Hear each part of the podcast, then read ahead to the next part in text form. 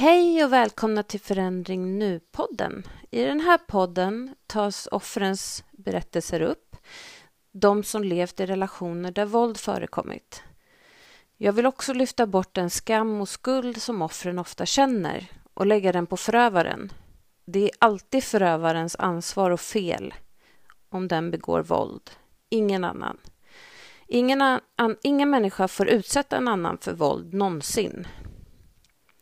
Ni som känner att ni vill dela mer av er berättelse kan kontakta mig på podd, p-o-d-d, understreck, forandring nu i ett ord, snabla outlook.com eller via sociala medier för podcasten har både ett Instagramkonto, en Facebooksida och en Facebookgrupp. Så in och gilla och följ och gå med i gruppen så kommer avsnittet starta nu.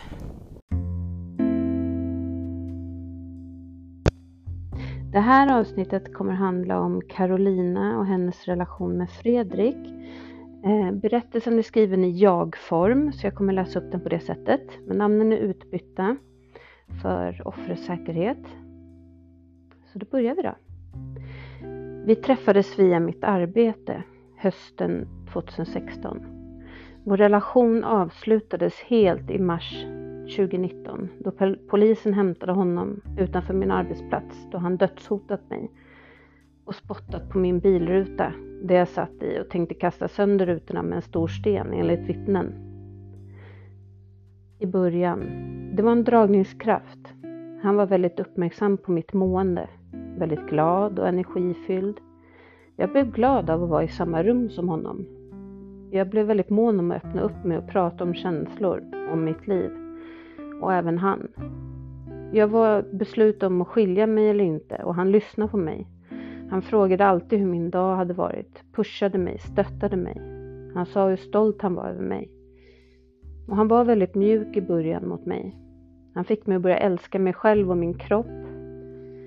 Jag levde då i ett äktenskap där vi hade slutat prata med varandra sedan länge. Där gemenskap inte fanns. Där det fanns en ganska kylig atmosfär och inget liv. Ingen direkt glädje, förutom barnen. Och så kom den här personen som älskade musik och var fylld av känslor och gav mig bekräftelse. Så jag valde att skilja mig. Han bekräftade mig hela tiden och jag sög åt med det. Längtan efter bekräftelse sedan hela min tonårstid. Han skickade mig massa kärleksdikter, låtar, var oerhört kärleksfylld dygnet runt i två veckors tid.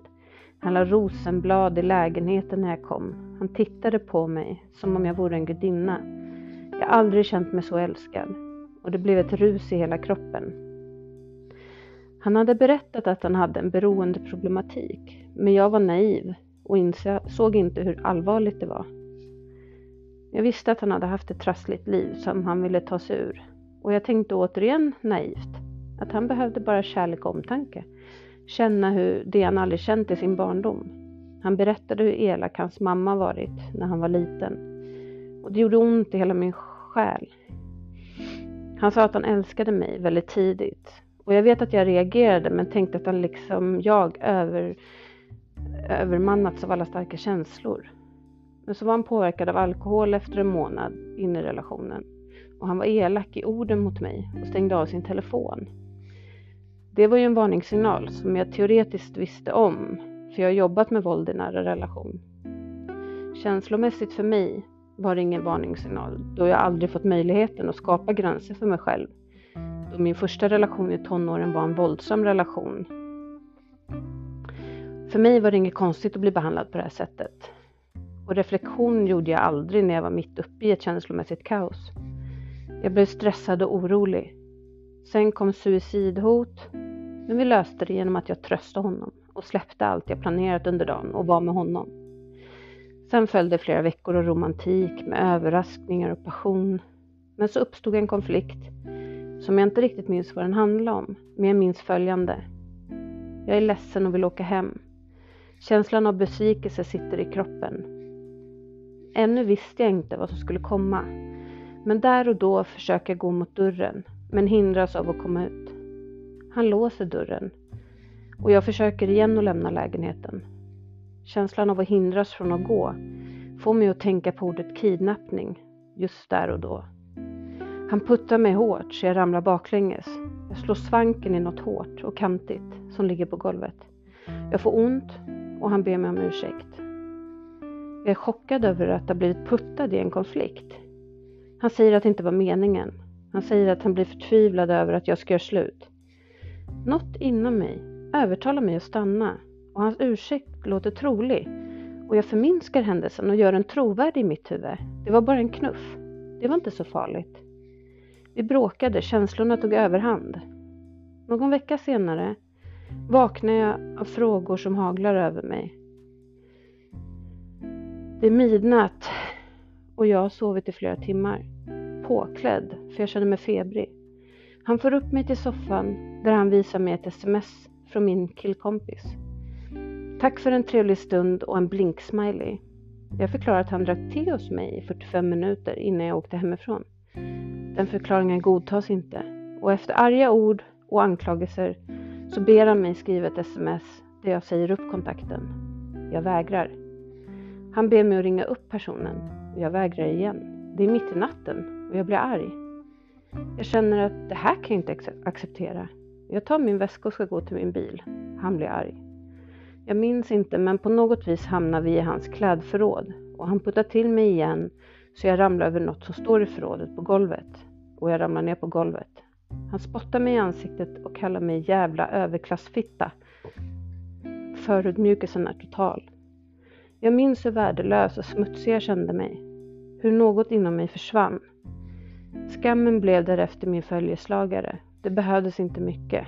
Jag kände mig skamsen över hur jag lät någon behandla mig så här. Skamsen över att inte våga bryta och lämna. Rädslan att lämna. Dels över vad som skulle kunna hända. För han hade sagt att han skulle berätta mina hemligheter. Och rädslan över att inte få känna mig så älskad och bekräftad igen. Jag hade redan varit i destruktiva relationer där och då. Dagen efter jag blivit spottad i ansiktet, då var det precis som att det måste betyda att antingen är kärlek så här för just mig, eller så är det något i mig som provocerar män att behandla mig så här. Teoretiskt sett visste jag ju annat. Jag visste mycket väl vad det handlade om. Men det var som all vetenskap och kunskap jag hade kunde inte mota känslorna av att det var mig det var fel på. Dessutom fick jag skylla mig själv ju. Jag hade valt att göra det mest oetiska valet som går att göra. Och där höll mig skammen tillbaka. Höll mig inlåst från att be om hjälp. Rädslan för att förstöra mitt liv var ofantlig. Jag kunde knappt se mig i spegeln längre. Jag måste nog ha bestämt mig för att känslan att bli älskad var viktigare än något annat. Jag var tjejen som trodde att det bara fanns män som var så här. I alla fall för henne och då hon fick ändra på männen. Det här var en person som var på botten och då kunde det väl bara gå uppåt om han fick hjälp. Medberoendet hade börjat nästan omedelbart. Ord som att det bara var jag som kunde hjälpa honom. Ingen annan har hjälpt mig som dig. Jag behöver bara dig. Om du lämnar mig så gör jag slut på mitt liv. Du är ljuset i mitt mörker. Om du lämnar så dödar jag dig och dina barn. Jag gör en kort litet stopp där och förklara att det här är en otroligt bra beskrivning av hur tankarna i huvudet säger en sak och känslorna och tankarna i huvudet säger emot de tankarna i huvudet. Det är som två sidor som, som jobbar mot varandra. Det är ofta så i den här normaliseringsprocessen att man vet bättre, men halva ens huvud talar för någonting annat och törsten av att bli bekräftad och älskad på det sättet som man blir när det är bra stunder. Eh, och det är väldigt bra beskrivet i den här, i den här berättelsen. Jag fortsätter. Jag hade inte berättat för många om min nya relation. Jag var väldigt försiktig eftersom jag också var i en skilsmässoprocess. Jag blev inte isolerad från början, men ju längre tiden gick så blev han ju sur när jag la tid på annat än mina barn och honom. Han gillade att jag var väldigt omhändertagande som mamma och han blev aldrig upprörd över att de tog min tid framför honom. Jag kunde inte göra något annat.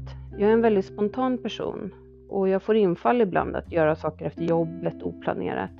Men det blev ju ofta misstänksamhet, förhör och bråk så fort jag gjorde det.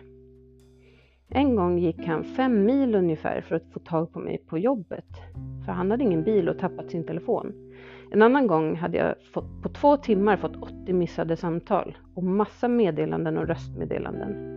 Det blev värre när han befann sig på behandlingshem, för då var jag tvungen att anpassa mig efter regler som han satte gällande tider.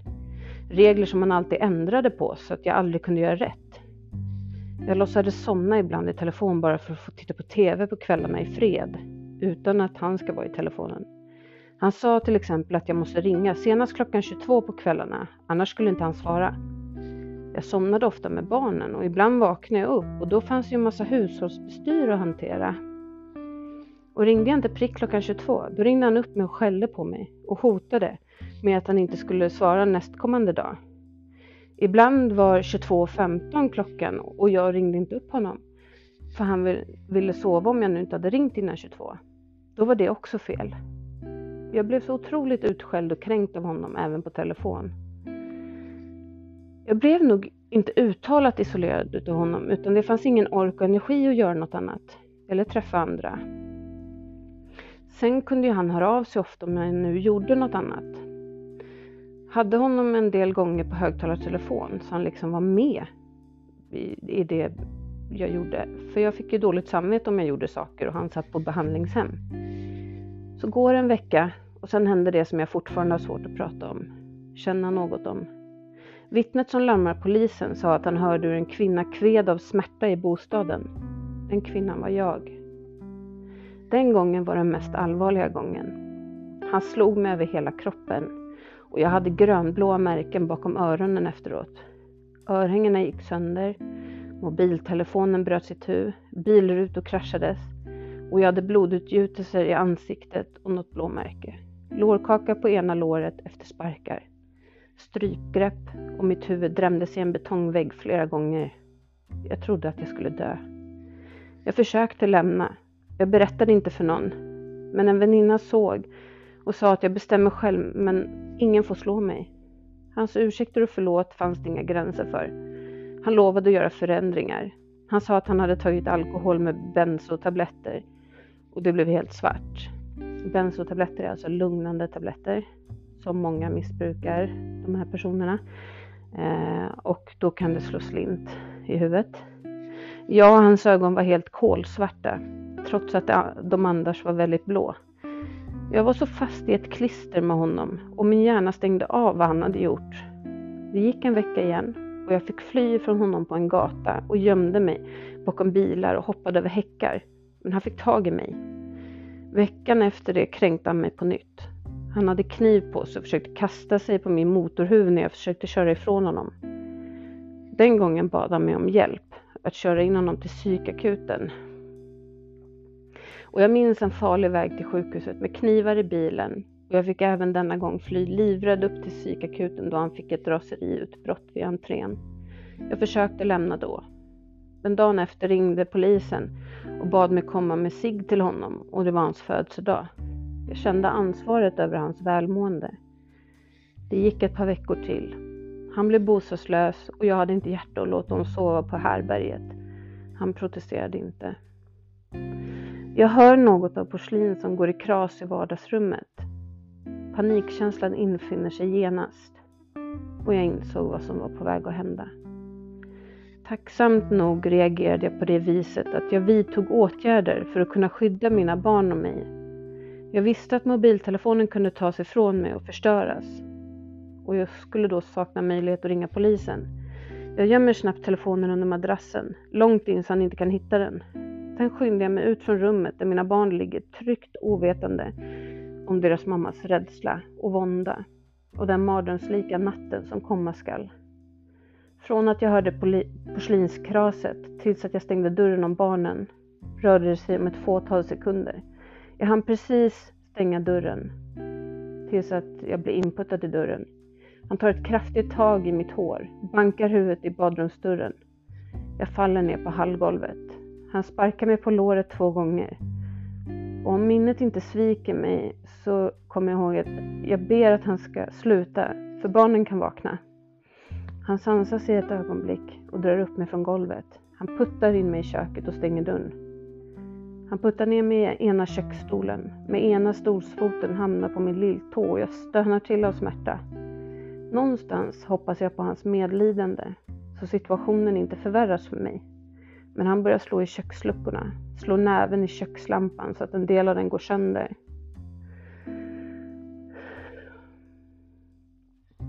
Han lyfter mitt tunga träbord högt så ljuslyktan ifrån min mamma och annat åker i golvet och glasskärvorna sprider sig på golvet. Han säger att han ska vara försiktig samtidigt som han spottar på mig och kallar mig för hora, smutsig fitta och diverse kränkande och tilltal. Han svettas och jag försöker hitta ett sätt att lugna ner honom. Jag ber och säger förlåt fast jag inte vet vad jag säger förlåt för. Men förstår att han tror att jag har varit otrogen när jag har jobbat över. Så jag försöker förklara att jag verkligen jobbade över. Han spottar på mig igen och skriker att jag ljuger. Han verkar paranoid och galen och han pratar med sig själv.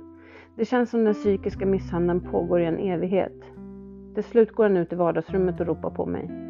Jag haltar ut medan min tå gör helvete, helvetesont. Han sätter sig i soffan och jag känner att det kan slå över till att bli värre om jag inte snabbt kommer på en lösning. Jag vet att han tycker att jag är en bra mamma och jag måste försöka få honom att känna sig i överläge. För någonstans har min teoretiska hjärna lagrat att våld handlar om makt. Han känner att han är i vanmakt, men om jag ändrar vågskålen så att han upplever mig vara i vanmakt istället. Jag ser en glasskärva av porslinet han hade gjort sönder. Jag tar och säger att jag är en dålig mamma och att jag förtjänar att dö. Att dö. Jag trycker glasskärvan mot min handled. Han säger då tryck hårdare. Jag minns att jag tänker tyst att han är ett jävla monster. Jag trycker hårdare tills han säger att han inte alls tycker det. Jag låter honom omfamna mig. Jag suckar inombords. Någonstans är jag lättad över att faran för tillfället är bortblåst. Han lägger sig ner med mig i soffan och jag ligger stilla och tyst. Väntar tills han somnat. Då lösgör jag mig under hans famn. Försiktigt, försiktigt så han inte vaknar. Jag smyger in till mina barn som sover djupt. Och jag tänker att jag hade en enorm tur att de inte vaknat. Barnen ligger utsträckta över hela sängen och kinderna är slappa och de ser änglalika ut. Jag inser att jag måste anmäla honom, annars kommer det upprepa sig, gång på gång. Jag ser mitt liv som en slagen kvinna och jag har sett konsekvenserna hos andra. Inget är värt mer än mitt och barnens liv och trygghet. Konsekvenserna med orosanmälan och låta mitt liv bli känt får ske. Bara vi lever. Jag letar fram min mobiltelefon och tänker snabbt att jag kan inte ringa polisen för då hör han mig. Jag chansar på att min bästa vän som vet vad som hänt tidigare, att hon är vaken. Jag skickar meddelande om att hon ska kontakta polisen och så berättar jag vad som hänt. Samt hans namn och personnummer. Jag ber henne meddela polisen att mina barn sover så att de är tysta. Polisen kom och de var tysta. Gripandet sker på ett relativt lugnt sätt. Mitt hem, som jag hade bett honom att inte förstöra, för det var min trygghet. Min borg var nu förstörd. I polisens rapport beskrevs mitt hem som att det var kaos med sönderslagna saker. Jag lovade mig själv då att han inte skulle få förstöra min hemkänsla. Idag, snart tre år senare, bor jag kvar. Jag känner mig trygg i mitt hem och mår inte dåligt. Men jag har klara minnen från nästan varje rum. Min dotters sovrum målade han påverkad så det finns fläckar som påminner om mitt medberoende. I mitt sovrum har han slagit mig och jag har varit livrädd. Där har jag ställt möbler mot dörren för att ha fönstret som flyktväg. Jag har legat och sovit med en kniv bredvid mig. I badrummet på övervåningen har jag låst in mig av rädsla för hans reaktioner. I köket och i hallen skedde misshandeln som jag nyligen beskrev. I vardagsrummet har mycket hänt som gjort mig rädd och stressad. Vill jag bo kvar? Ja, för det är mitt hem, som jag äger. Men om jag kunde flytta så skulle jag. Dels för att få veta vet att han inte visste var jag bodde. Dels för att få börja om på nytt, med ljusa minnen. Jag har ljusa minnen från mitt hem såklart. Där jag och barnen har skrattat, kämpat med att bära möbler, där jag har lärt mig saker på egen hand. Trädgården där vi har hoppat i lövhögar, snöbollskrig, klippt gräset ihop, spelat krocket. Och altan där vi har smaskat i oss sommarens godheter och mysigt stunder framför TVn. i köket och i våra sovrum. Mina fina minnen är fler än de dåliga och det är jag tacksam över. Han blev dömd för grov kvinnofridskränkning med ett år. Jag kunde inte förstå eller ta in allt som hade hänt. Jag behövde hans kärlek fortfarande och jag kände mig så ensam och lämnad i ett kaos som han orsakat. Han erkände allt och höjde mig upp till skyarna på rättegången. Jag tänkte att han behöver verkligen hjälp. Den hjälpen finns och han vill ju ta emot det, så vad är bättre än på anstalten? Han gick idag och fick han gick IDAP och fick bra rekommendationer. Vi blev ett par igen och när han kom ut och jag tyckte att han var annorlunda. Han fortsatte efter en tid behandlingsvård. Han fortsatte efter en tid behandlingsvård och det gick bra även om han kränkte mig på telefon. Så kunde jag hantera det för han var långt bort. Jag tänkte att om missbruket försvinner så finns hans kärna kvar som var snäll. Men ju längre tiden gick insåg jag att han troligtvis har en personlighetsstörning med beroendeproblematik. Han la sitt liv i mina händer varje dag, nästan varje timma. Suicidhot och misslyckande i sin behandling, det blev mitt ansvar.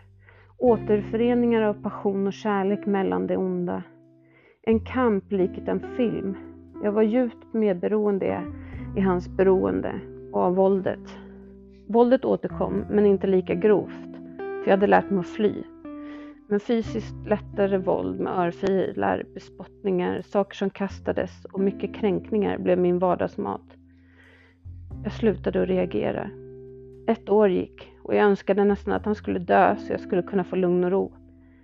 Men jag ordnade upp allt. Jag ordnade bostad, sysselsättning, vård, stöd och körde hit och dit samtidigt som jag arbetade heltid och hade mina barn. På nätterna och kvällarna då upptog han min tid på telefon, för det mesta. Eller när han befann sig i närheten så umgicks vi. Men så kom händelsen när jag gjorde slut, för att jag inte orkade mer. Vid ett tillfälle i min bil fick jag tvärbromsa och fly från bilen. Där jag sprang snabbare än snabbast för att undkomma aggressionerna.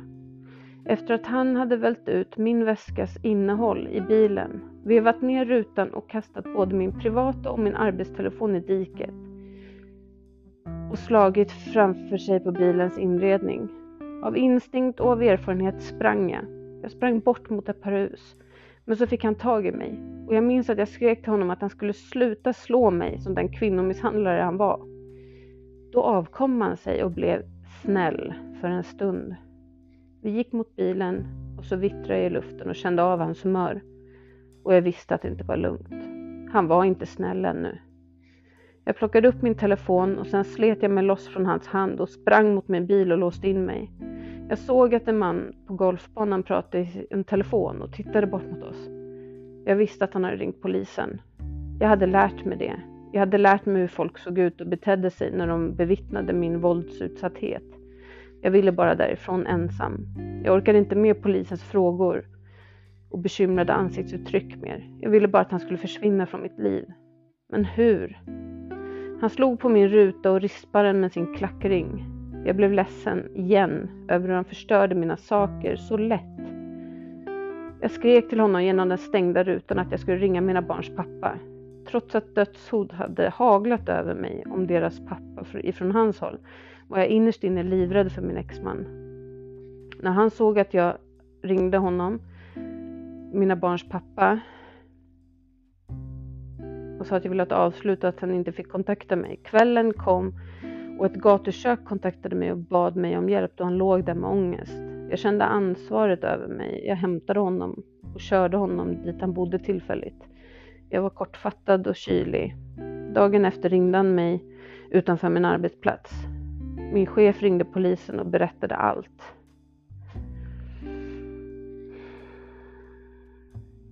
Han blev återigen dömd för grov kvinnofridskränkning.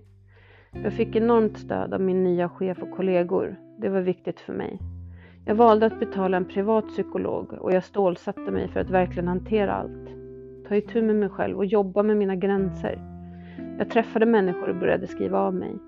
Vägen efter har nästan varit svårare eftersom det handlar om mig nu. Men jag kämpar fortfarande. Jag har kontaktförbud och han försökte kontakta mig via släktingar när han avtjänat sitt nya straff. Men jag gjorde som jag skulle. Jag ringde min kontakt på personskyddsavdelningen när jag hade det behovet och det var ofta. De var även med mig på min rättegång.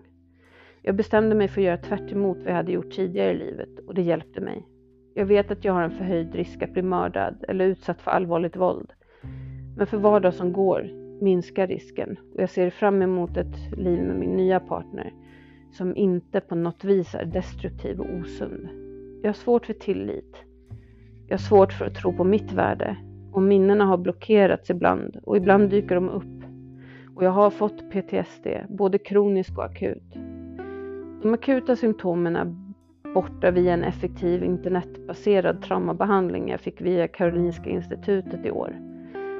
Jag har lärt mig otroligt mycket på den här resan och jag tycker jag fann ljuset i det mörker som omslöt mig.